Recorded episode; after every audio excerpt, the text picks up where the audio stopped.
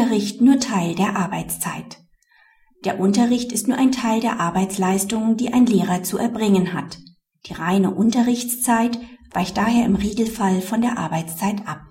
Ein Lehrer leistet nur dann Überstunden, wenn er die Arbeitszeit insgesamt überschreitet.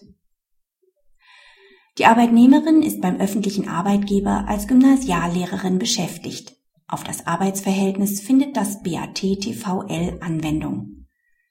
Die wöchentliche Arbeitszeit und die Anzahl der Pflichtunterrichtsstunden richten sich nach Bestimmungen der Landesregierung. Sie betragen bei Vertragsschluss wöchentlich 42 Arbeitsstunden, davon 27 Unterrichtsstunden. Ab Vollendung des 55. Lebensjahres erhalten Lehrer eine Altersermäßigung von einer Unterrichtsstunde pro Woche. Ab dem 60. Lebensjahr beträgt die Ermäßigung sogar zwei Stunden. Im Jahr 2003 entfällt aufgrund einer Änderung der landesrechtlichen Vorschriften diese Altersermäßigung. Bei der Umsetzung der Maßnahme der Landesregierung werden die Personalräte nicht beteiligt.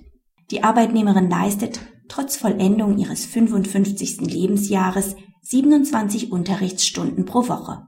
Sie begehrt nun Feststellung, dass die Aufhebung der Altersermäßigung unwirksam ist und verlangt mehr Arbeitsvergütung für die 27. Unterrichtsstunde. Arbeitsgericht und Landesarbeitsgericht weisen die Klage ab. Auch die Revision zum BAG bleibt erfolglos. Es kann offen bleiben, ob die Verwaltungsvorschrift, mit der die Altersermäßigung aufgehoben wurde, wirksam ist oder nicht. Denn selbst im Fall der Unwirksamkeit hat die Arbeitnehmerin keinen Anspruch auf die begehrte Mehrarbeitsvergütung. Der Arbeitsvertrag verweist auf die tariflichen Regelungen des BAT-TVL. Die Tarifwerke wiederum verweisen hinsichtlich der Arbeitszeit auf die für Landesbeamte geltenden Bestimmungen.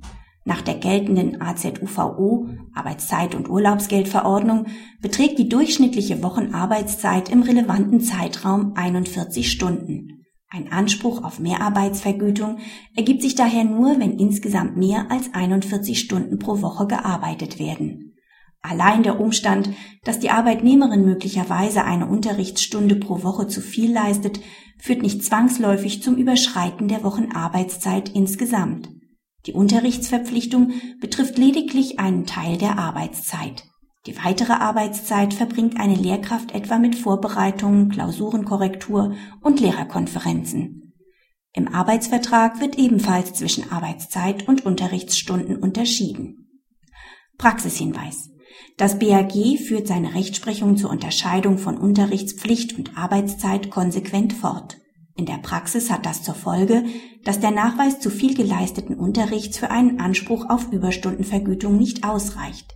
Der Lehrer muss darlegen, dass er insgesamt mehr als die geschuldete Wochenarbeitszeit gearbeitet hat